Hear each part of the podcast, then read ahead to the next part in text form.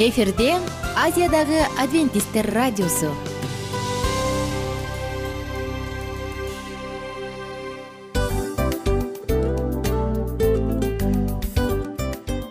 Достор салют. Баардык сүйүктүү угармандарыбызга салам айтабыз. Кутман күнүңүздөр менен. Ден соолук өмүрдүн булагы демекчи саламат саамы программасында баарыңыздарды көргөнүбүзгө абдан кубанычтабыз. Анда алгач амандашып өтөлү арбаңыздар деп. Ден соолугуңуздар кандай элибизде көбүнчө ден соолук кандай дегенде эле жакшы деп жооп беребиз э? ооруп турсак дагы жакшы дейбиз. Анан мен муну айтып ойлойт элем бул абдан сонун сөз депчи анткени бул жакшы деген үмүт да э ооба. баары жакшы болот баары сонун. Деп үмүттөнүп атып эле өзүбүздү өзүбүз дарылап коебуз. Анысы кандай? Сиздин дагы ден соолугуңуз жакшы беш деген үмүттөбүз чындыгында ден соолук бул өмүрдүн булагы деп бекеринен айтылган эмес деп ойлойм. Кыргыз элинде анткени эгерде ден соолук жок болсо анда адамдын жашоосунда калган баардык керектүү маңыздуу нерселер өзүнүн баалуулугун жоготуп коет. Ошондуктан ден соолук бул эң керектүү нерсе. Ооба туура айтасың кесиптешим чынында ден соолугуң жок бир эки үч күн ооруп калсаң эле кандай болуп калат? Жашоодо көз каранды болуп каласың көп нерсеге жетишпей каласың көп нерсени кыла албай каласың жада калса эшикке дүкөнгө да чыга албай каласың. Туптуура анан ден соолук болсо демек биз биздин бактыбыз тоодой деп койсок болот. Анда достор саламат саамы рубрикабызды баштайлы. Алдыда өзүңүзгө керектүү болгон сонун кеңештерди уга аласыздар. Мына ошондуктан биз менен бирге болуңуздар. Ал эми биз болсо милан жана айнура. Кеттик алга. Алга саламат саама ден соолуктун жарчысы. Саламат саама ден соолуктун ачкычы. Күн сайын сиз үчүн мыкты кеңештер сонун жаңылыктар кызыктуу фактылар. Биздин рубрикада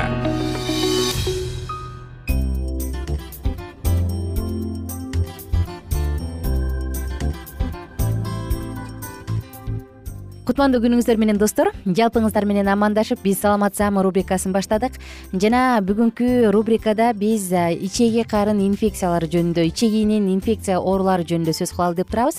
Конокторубуз бар номер сегизинчи үй бүлөлүк медицина борборунун жугуштуу ооруларды дарылоо боюнча инфекционист врачы токтогочоева алтын мусаевна саламатсызбы саламатчыбы келип бергениңиз үчүн ыраазычылык айтабыз жана бишкек шаарынын мамлекеттик санитардык эпидемиология көзөмөлдөө борборунун дарыгер эпидемиологу казиев балгарт казиевич саламатсызбы саламатсыздарбы? Кандайсыздар? Маанайыңыздар кандай? Абдан сонун. Жакшы эс алып келдиңиздерби жакшы. Э, сонун рахмат. Сиздер менен бирге биз э, жогоруда айтылгандай эле ичеги инфекциялары жөнүндө кишечный инфекция деп коет эмеспи мына ушул жөнүндө сөз кылалы деп турабыз. Анда алгач эле э, ичеги карын инфекцияларынын түрлөрү жөнүндө эжеке айта кетпейсизби алтын мусаевна азыр айтып кете турган болсом негизи эле көп түрлөрү бар да. Бизде кездеше тургандардан сальмонеллез деп коет. Сальмонеллездин палочка менен ошо вызываться этип анан ичек карындардын оорусун алып келет э, дизентерия деп коет. Бул дагы ошо кичинекей ичи өтөт кичинекей балдар дагы чоңдор деле оорушат да андан сырткары э, дагы уточненный энтероколит ичек карын оорусу деп коет.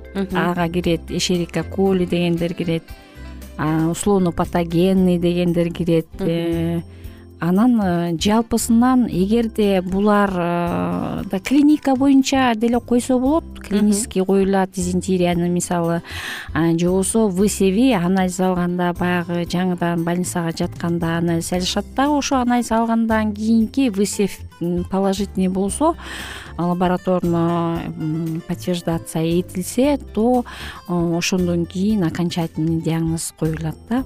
Ал эми высев кээде положительный болбой калат. Анализде анда ичек карын оорусу деп эле энтероколит неуточненный этиологии деп диагноз коюлат.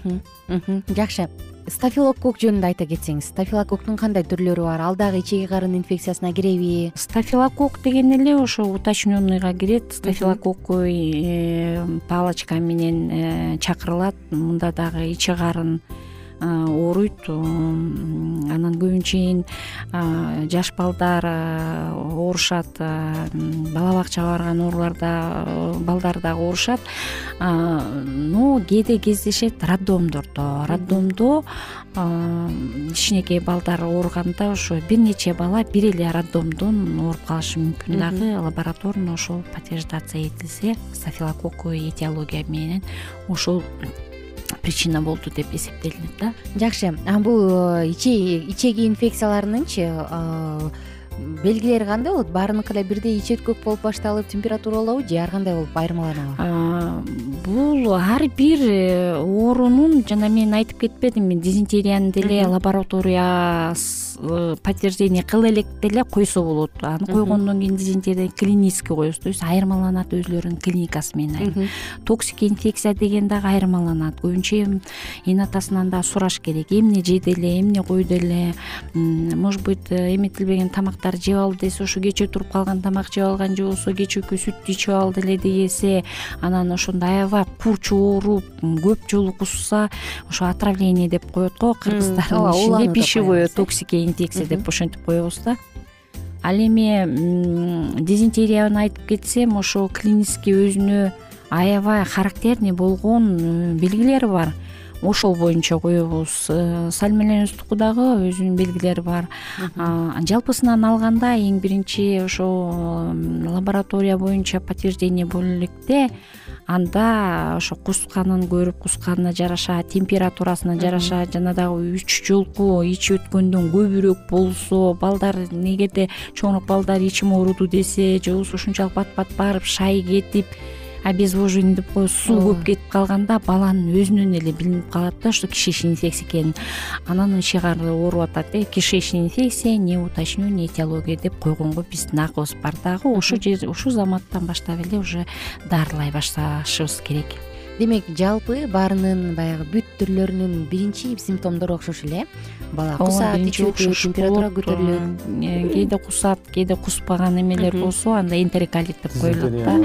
Дизентерияда интоксикация деп коет ошо токсический болуп баягы слабый температура аябай высокий болот кыркка чейин болот. Анан чоңураак балдар болсо ичим ооруп атат дейт ичи ооруганда аябай схваткообразный болуп ооруп кайра кое берип кайра ооруйт. Э, кичинекей балдардыкы болсо деле анан чоңдордукуна дагы аябай характерный болгону бул э, богунун өзгөрүлүшү болот. Аябай эң башында э, горшоктун тегинен тегине болуп суу кетип баштайт да. Анан андан кийин эле баягы богу азайып азаят дагы кан кошулат да ошондой. Сол жагындагы жобон эли ичеги жабыркайт дагы анан богунда кан болот да. Ну стафилококк сальмонеллез деле болушу мүмкүн бирок ошо характерный болгон спазм деп коет. Жанагы анан туалетке баргысы келе берет барса эч нерсе жок. Орусчасы жанагы в виде плевка деп коет түкүрүк сыяктуу болуп ушул горшокторго эметет мында биз өзүбүздүн акыбыз бар э, дизентерия клинический деп коебуз да. А калган э, кишечный инфекцияны болсо жалпысынан коебуз да анан лабораторный подтверждение болсо. Или же стафилококку этиологии же болбосо эшерика коли эшерихиоз или же этиология деп анан бөлүнүп кетет а жалпысынан алганда негизи жанагынтип бирине экин кусуп температура высокий болуп анан э, алы кетип обезвоженный болот а дизентерияда көбүнчө интоксикация выраженный болот. Жакшы. Биздин убактыбыз өтө аз калды. Алдыда уктуруууда улантабыз анан мен бир кээ бир энелерден угуп таң калып коем да сүтүмдү э, стафилококк палочкасы бар экен деди ошон үчүн эмчектен чыгар деди депчи. Ушул жөнүндө билгибиз келип турат сизден алдыда айтып берсеңиз сонун болмок. А биз болсо угармандарыбыз менен убактылуу гана коштошобуз. Эгерде бул тема сизге кызыктуу болуп турса кийинки уктуруубузду калтырбаңыз. Бир нече мүнөттөрдөн кийин кайрадан улантабыз. Ага чейин болсо достор сиздер аман эсен жакшынакай туруп туруңуздар. Бүгүнкү күнүңүздөр ийгиликтүү өтсүн көңүлдүү болсун. Бүгүнкү эгер таңда угуп жаткан болсоңуз анда бүгүнкү күнүңүз бүгүнкү таңыңыз эң сонун жемиштүү күндөрдөн болсун кайрадан амандашканча. Саламат саама ден соолуктун жарчысы. Саламат саама ден соолуктун ачкычы. Күн сайын сиз үчүн мыкты кеңештер сонун жаңылыктар кызыктуу фактылар биздин рубрикада. Салют замандаштар баарыңыздарга ысык салам.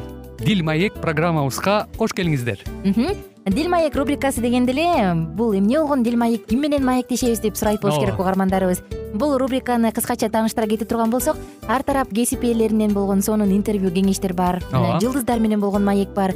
Аталарыбыздын агаларыбыздын чоң аталарыбыздан сонун кеңештер бар. Ошондой эле эже сиңдилердин кеңештери бар айтор. Баардык кызыктардын баары алдыда. Негизи эле адам баласы бир кимдир бирөөнө ишенип сырын ачкысы келет эмеспи э мындай баарлашууга жакын келебиз го. Албетте. Негизи бир жерге отуруп алып кенен шашпай баягы жүрөктөн жүрөккө ачып сырларыбызды ар кандай көйгөйлөрүбүз менен бөлүшүп баягы чын жүрөктөн маек курганды кимибиз сүйбөйбүз э? Ооба десең ал нерсеге суусап да келебиз да. Ооба кээ бирде адамга чындыгында баягы э, ысык маек баягы жылуу маек жетишпейт да. Ошондуктан биз ушул рубриканы ойлоп тапканыбызда эң биринчи эле достор сиздер менен чын жүрөктөн бир маңыздуу темаларды козгоп кеткени кааладык. Ошондуктан ушундай сонун бир рубриканы тартуулап жатабыз. Анын үстүнө радио дагы сонун дос да анткени э, мындай учурда досуңа айтсаң досуң досуна айтат досу досуна айтат да анан бүт өлкө билип калышы мүмкүн го. А радио болсо сени сатпаган сенин айыбыңды ачпаган сенин сырыңды эч кимге айтпаган сонун досуң ошондуктан биздин алдыдагы айта турган кеңештерибизди биздин досторубуздун кеңештерин угуп анан ал жака пикириңизди дагы калтырып кайрадан биз менен байланышсаңыздар болот. Деги эле жашооңузга эгерде кичине болсо дагы өзгөрүү алып моралдык жактан нравовдук жактан сонун бир кеңештерди алсаңыз демек биз максатыбызга жеттик. Ооба. Чыңгыз атабыз улуу жазуучу э, чыңгыз айтматов айткандай адам болуу бул күнүмдүк процесс экен. Күн сайын адам бойдон калуу бул адамзатка эң эле кыйын дейт э? э эң кыйын дейт. Чындыгында бунун э, негизинде адамдын эң баягы сапаттуулугу адамдын э, адамгерчилиги жана көптөгөн керектүү нерселер. Мына ошол темалар дагы бизде э, ушул дил маекте биз аларды да козгойбуз. Э, ден соолук жөнүндө да сүйлөшөбүз. Сөзсүз түрдө. Анан милан мырза негизи айтып коюшат го биз көбүнчө эмнени ойлонсок? Ошол нерсеге карата иш кылабыз го. Ооба. Анан анысы кандай? Балким бул радио баракчада кимдир бирөөнүн оюн текшергенге жардам берет кимдир бирөөнүн жүрөгүн текшергенге жардам берет. Балким кимдир бирөөгө жашоонун маңызын тапканга жардам берер. Айтор кызыктын баары алдыда бул жөн гана кыскача жарнама анда угармандарыбыздын баардыгын кийинки рубрикабызга чакырабыз. Ал эми кызматта маңдайымда отурган кесиптешим милан жана мен айнура. Анда эмесе биз даярдаган терең терең ойлор менен таанышууга кеттик. Алыс алыс баралык анда эмесе достор биз менен бирге болуңуздар. Алдыда эң кызыктуу маалыматтардын баардыгы бир нече мүнөттөр бою жалгыз гана сизге арналат мына ошондуктан жакшы маанай менен угууну каалайбыз. Үн алышканча. Жөнөдүк. Ар түрдүү ардактуу кесип ээлеринен алтын сөздөр жүрөк ачышкан сыр чачышкан сонун маек дил маек рубрикасында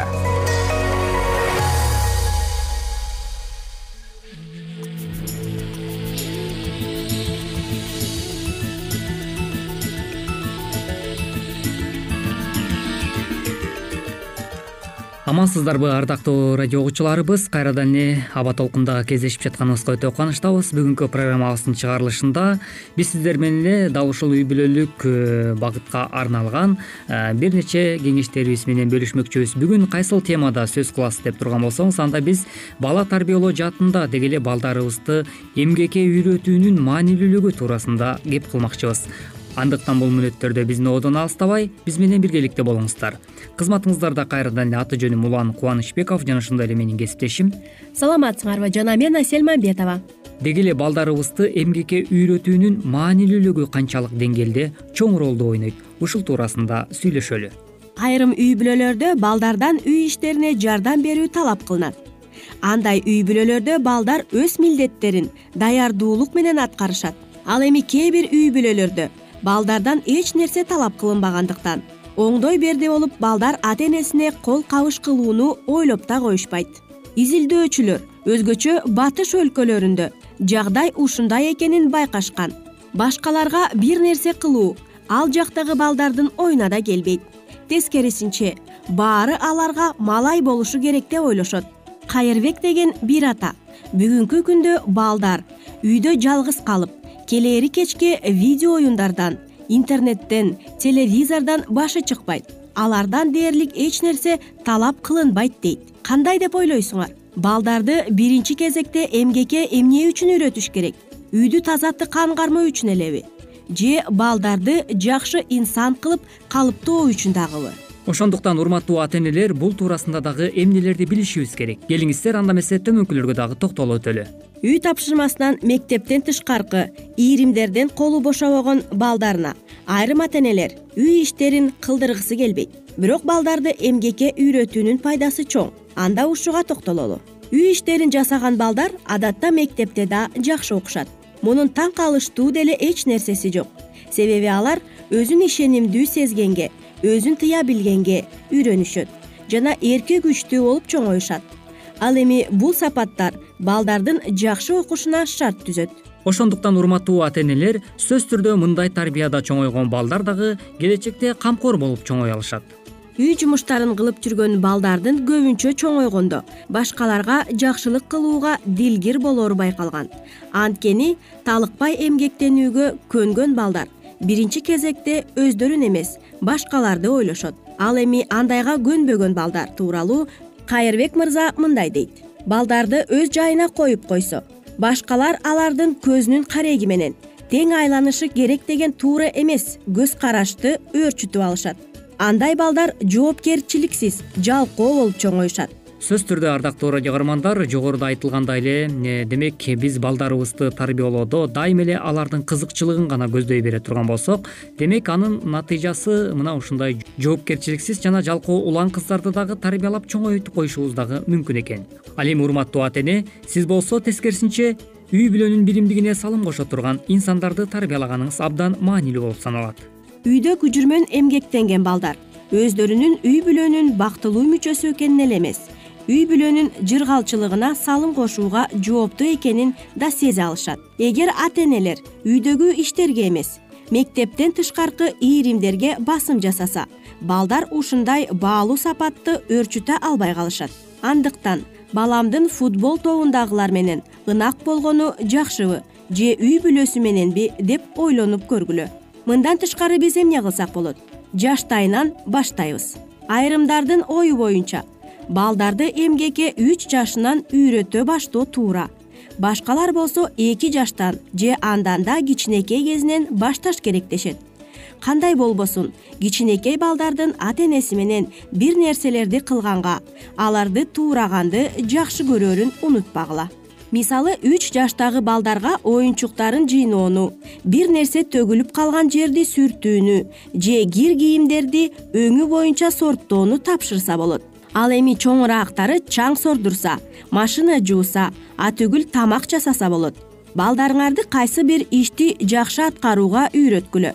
Ошондо алардын сүйүнүп аткарып жатканын көрүп таң калышыңар мүмкүн чындап эле урматтуу ата энелер сөзсүз түрдө жашоодо аракет кылсаң берекет демекчи. Мына ушинтип балдарыбызды тарбиялоодо аларды үзүрлүү эмгекке тарбиялай турган болсоңуз сөзсүз түрдө анын дагы э, жемишин орууп аларыңыз дагы анык экен. Андыктан биз балдарыбызды эмгектүүлүккө жана ошондой эле аларды эмгекти сүйүүгө тарбиялай турган болсоңуз анда анын акыбети сөзсүз түрдө жакшылыктар менен кайтарылары дагы анык эмеспи. Демек мына ушул нерселерди эске алуу менен биргеликте сөзсүз түрдө ардактуу ата энелер ушул ыкмаларды колдоносуз деген тилек менен маегибизди уланта бермекчибиз. Биринчи кезекте эле үй иштерин аткарууга көндүргөнүбүз дагы абдан маанилүү болуп саналат экен. Анда эмесе бул туурасында дагы бир нече кеңештерге кулак салып өтүңүз. Балаңар кайсы бир ишти силер күткөндөгүдөн жайыраак кылышы мүмкүн. Ошондой эле анын кылганы купулуңарга толбошу ыктымал андай учурларда ишти өзүңөр бүтүргөнгө шашпагыла максатыңар балаңарга кайсы бир ишти чоңдор кылгандай кылууга үйрөтүү эмес жоопкерчиликтүү болууга эмгектенүүдөн кубаныч алууга үйрөтүү экенин унутпагыла. Андан сырткары туура ниет менен эмгектенгенге үйрөткүлө. Айрымдар балдарга үй иштерин аткарганы үчүн акча берип турса жоопкерчиликтүү болот деп ойлошот ал эми башкалардын ою боюнча бул алардын кайсы бир ишти үй бүлөнүн жыргалчылыгына салым кошуу үчүн эмес пайда көрүш үчүн эле кылып калышына себеп болот. Ошондой эле андай балдар акчасы жетиштүү болсо эч нерсе кылбай коюшу мүмкүн. Андайда балдарды эмгекке үйрөтүү өз максатына жетпей калат. Мындан кандай жыйынтык чыгарууга болот? Баланы өз иштерин кылганы үчүн акча берип көндүрбөгөн жакшы ошондой эле кымбаттуу ата энелер өз учурунда атак даңктуу сулайман аттуу падыша мына мындай накыл кептерди калтырып өткөн экен. Балаңды жаштайынан туура жолго сал ошондо ал карыганда да ошол жолдон чыкпайт деген экен. Демек биз балдарыбызды тарбиялап жатканда аны туура жолго сала турган болсок анын жемишин сөзсүз түрдө жашообузда көрөрүбүз дагы анык эмеспи. Андыктан адамдын өз иштеринен кубаныч алганы өтө маанилүү уктуруубузга кулак төшөгөнүңүздөр үчүн ыраазычылык билгизүү менен биргеликте кайрадан эле биз сиздер менен бактылуу никенин баалуу эрежелери аттуу уктуруубуздан кезиккенче сак саламатта болуңуз. Ар түрдүү ардактуу кесип ээлеринен алтын сөздөр жүрөк ачышкан сыр чачышкан сонун маек бил маек рубрикасында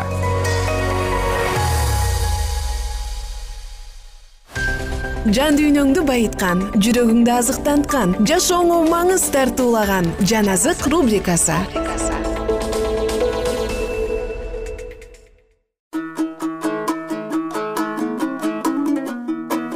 Кутмандуу куш убак күнүңүздөр менен жалпы айымдар жана мырзалар сиздер менен бирге жан азык уктуруусунда забур китебибизди окууну улантабыз. Анда эмесе биз менен бирге болуңуздар. Алдыңкы мүнөттөрдө эң сонун сөздөр бир гана сиздер үчүн жаңырат жүз экинчи забур он экинчи аяттан тарта. Чыгыш батыштан канчалык алыс болсо ал биздин мыйзамсыз иштерибизди бизден ошончолук алыстатты атасы балдарына ырайым кылгандай теңир өзүнөн корккондорго ырайым кылат. Анткени ал биздин түзүлүшүбүздү билет биздин топурак экенибизди билет. Адамдын өмүрү чөп сыяктуу. Ал талаадагы гүлдөй гүлдөйт. Анын үстүнөн шамал жүрсө ал жок болот. Ал өскөн жер аны тааныбай калат. Ал эми теңир ырайымын үстүнөн корккондорго кылымдан кылымга көрсөтөт. Адилеттигин өзүнүн келишимин сактаган башкача айтканда өзүнүн осуяттарын унутпай аткарган уулдарынын уулдарына көрсөтөт. Теңир өз тактысын асманга орнотту ал бардыгынын үстүнөн падышачылык кылат. Теңирдин сөзүнө баш ийип анын сөзүн аткарган анын күчтүү периштелери теңирди даңктагыла. Анын бүт кошуундары анын эркин аткарган кызматчылары теңирди даңктагыла анын бардык иштери ал бийлик кылган бардык жерде теңирди даңктагыла. Менин жаным теңирди даңкта. Жүз үчүнчү забур. Менин жаным теңирди даңкта теңирим кудайым сен укмуштуудай улуусуң сен даңк менен улуулукка чулганкансың. Сен жарыкты чапандай киесиң асманды чатырдай жаясың. Сен үстүңкү бөлмөлөрүңдү суулардын үстүнө кургансың булуттарды өзүңө араба кыласың шамалдын канаттарынын үстүндө жүрөсүң. Сен өз периштелериңди шамал өз кызматчыларыңды жалындаган от кыласың. Сен жерди бекем негизге орноттуң ал кылымдан кылымга бекем турат. Сен анын үстүн түпсүздүк менен жабуу жапкандай жаптың тоолорго сууларды жайгаштырдың сенин катуу буйругуңдан суулар качты. Сенин күркүрөгөн үнүңдөн качканга шашышты. Алар сен дайындаган тоолорго чыгышат өрөөндөргө түшүшөт сен алар өтө алгыс чээк койдуң ошондуктан алар жерди жабыш үчүн кыйрылып кайрылып келбейт. Сен булактын сууларын жибердиң алар тоо арасынан агып жатышат. Алар талаадагы жаныбарлардын баарын сугарат жапайы эшектер суунун кандырып жатышат. Алардын жанында асман куштары жашашат бутактардын арасынан үн салып турушат. Өз бийиктиктериңден тоолорду сугарып турасың жер сенин иштериңдин жемишине тоет. Сен мал үчүн чөп өстүрөсүң адамдын пайдасы үчүн өсүмдүк өстүрөсүң жерден азык өндүрөсүң. Адамдын жүрөгүн кубандырган шарапты адамдын жүзүн жылтыраткан зайтун майын адамга кубат берген нанды бересиң. Теңир өзү отургузган теңирдин дарактары лебанон кедрлери сугарылат. Алардын үстүнө куштар уя салышат. Карагайлар илегилектердин турак жайы бийик тоолор кейиктиктердин жайы аскалар суулардын башпааниги айды ал убакытты билдирүү үчүн жаратты. Күн өзүнүн качан батарын билет. Сен караңгылык каптасын ошондо түн болот. Түн ичинде бүт токой жаныбарлары жортуп жүрүшөт. Арстандар жем издеп кайкырышат кудайдан өздөрүнө тамак сурашат. Күн чыкканда алар чогулуп өздөрүнүн үңкүрлөрүнө жатышат. Адам өзүнүн жумушуна чыгып кечке чейин иштейт. Сенин иштериң кандай көп теңир? Сен баарын даанышмандык менен жасагансың. Сен жер жараткандан нерселерге толгон мына чалкыган улуу деңиз андагы тирүү жандыктарга чоң кичине жаныбарларга сан жетпейт. Анда кемелер сүзүп жүрөт анда сен жараткан лебиатан оюн салып жүрөт. Баардыгы сенин өз маалында тамак берүүңдү күтүшөт. Аларга берсең жешет колуңду ачсаң берекеңе тоюшат. Жүзүңдү жашырсаң дүрбөлөңгө түшүшөт. Алардын жанын алсаң өлүп кайра топуракка айланышат. Эгерде өзүңдүн рухуңду жиберсең алар жаралышат ошентип сен жер бетин кайрадан жаңыртасың. Теңир түбөлүккө даңктала берсин. Теңир өз иштерин көрүп кубансын. Жерди караса жер титирейт тоолорго тийсе тоолор түтөйт. Өмүрүм өткөнчө теңирди даңктап ырдай берем. Көзүм тирүү турганда кудайымды ырдап даңктай берем. Ырдаган ырым ага жаксын теңир менен кубанам. Күнөөкөрлөр жер үстүнөн жок болушсун мыйзамсыздар биротоло жок болушсун менин жаным теңирди даңкта теңирди даңктагыла. Жүз төртүнчү забур теңирди даңктагыла. Анын ысымын чакыргыла. Анын иштерин бүт элдерге жарыя кылгыла. Аны мактап ырдагыла ага ырдагыла. Анын баардык кереметтери жөнүндө айтып ырдагыла. Анын ыйык ысымы менен мактангыла. Теңирди издегендердин жүрөгү кубансын. Теңирди жана анын күчүн издегиле. Анын жүзүн ар дайым издегиле ыбрайымдын тукуму анын кулдары жакыптын уулдары анын тандалган адамдары силер ал жасаган кереметтерди анын жышаандарын жана анын оозунан чыккан өкүмдөрүн эсиңерге салгыла. Ал биздин кудай теңирибиз. Бүт жер жүзүндө анын өкүмдөрү ишке ашып жатат. Ал өзүнүн келишимин муундан муунга осуят кылган сөзүн түбөлүккө унутпайт ал сөз ыбрайымга берилген осуят ыскакка берилген ант аны жакупка мыйзам кылып ысрайылга түбөлүк келишим кылып берген. Ал канаан жерин мураска берем деген. Ошол убакта алардын саны аз эле өтө эле аз эле. Ал жерде алар келгин болуп жашап турушкан. Алар бир элден бир элге бир өлкөдөн бир өлкөгө барып жер кезишкен. Аларды эч ким кордоткон эмес. Падышаларга мындай деп эскерткен. Менин майлангандарыма тийбегиле менин пайгамбарларыма жамандык кылбагыла жерге ачарчылык чакырган баардык эгинди жок кылган. Алардын алдына бир да адамды жиберген. Жусуп кулдукка сатылган. Анын буттарын кишен менен кысышкан. Анын жаңы темир торго кирген. Теңирдин сөзү ишке ашканга чейин ушундай болду. Аны теңирдин сөзү сөзү сынады. Падыша киши жиберип аны эркиндикке чыгарды аны эл башчысы бошотту төрөлөрүнө өзү каалагандай көрсөтмө берип аксакалдарга акыл үйрөтүш үчүн падыша аны падыша сарайынын өз мал мүлкүнүн үстүнө башкаруучу кылып койду. Ошондо ысрайыл мисирге келди жакып хам жерине көчүп келди. Кудай өз элин аябай көбөйттү. Аны душмандарынан күчтүү кылды. Алардын жүрөгүн өз элин жек көрүүгө өз кулдарына каршы куулук кылууга козгоду. Анан өз кулу мусаны өзү тандап алган арунду жөнөттү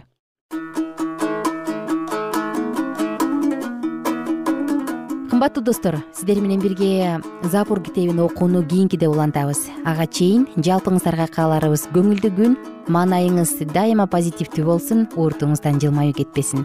Жалпыңыздар менен кайрадан ушул жыштыктан амандашканча сак саламатта туруңуздар. Бар болуңуздар жана аман болуңуздар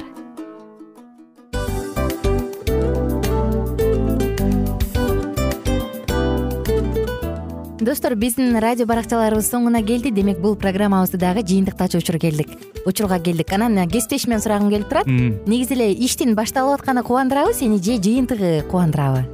Албетте жыйынтыгы. Себеп дегенде сен кылган ишиңдин жыйынтыгын көрүп э, баягы мөмөсүн көрүп дегендей жыргайсың жүрөгүң жемишинен тартып э? Кандай даамдуу деп. Баягы буудай сепкенде эмес буудайдын эгинди жыйнагандан кийин ысык нанды жегенде кадимкидей ырахаттанасың го? Ой айтпа туура айта кеттиң сонун салыштыруу болду анан мен дагы абдан кубанып турам анткени биз угармандарыбыз үчүн аябай эмгектенип келген уктуруубуздун соңуна келип калдык. Анан эми э, уктуруубуздун соңунда угармандар кандай пайда алып калды экен деп күтүп турам да. Балким э, менин жашоомо өзгөрүү киргизе турган сонун сөздөр болду. Мен ушул нерсени изилдеп анан кабыл албасам ушул нерсени кылбасам деген чечим чыгарсаңыз анда биз абдан кубанычтабыз. Сөзсүз түрдө андыктан кийинки биздин кызыктуу уктурууларыбыздан көрүшкөнчө сак саламатта калыңыздар. Чыдамсыздык менен сиздерди мен милан жана кесиптешим айнура күтөбүз. Баардык угармандарыбызга ийгиликтүү күн каалайбыз. Качан гана болбосун уртуңуздан жылмаюу кетпесин үйүңүздө көмүр жүрөгүңүздө көңүл болсун дейли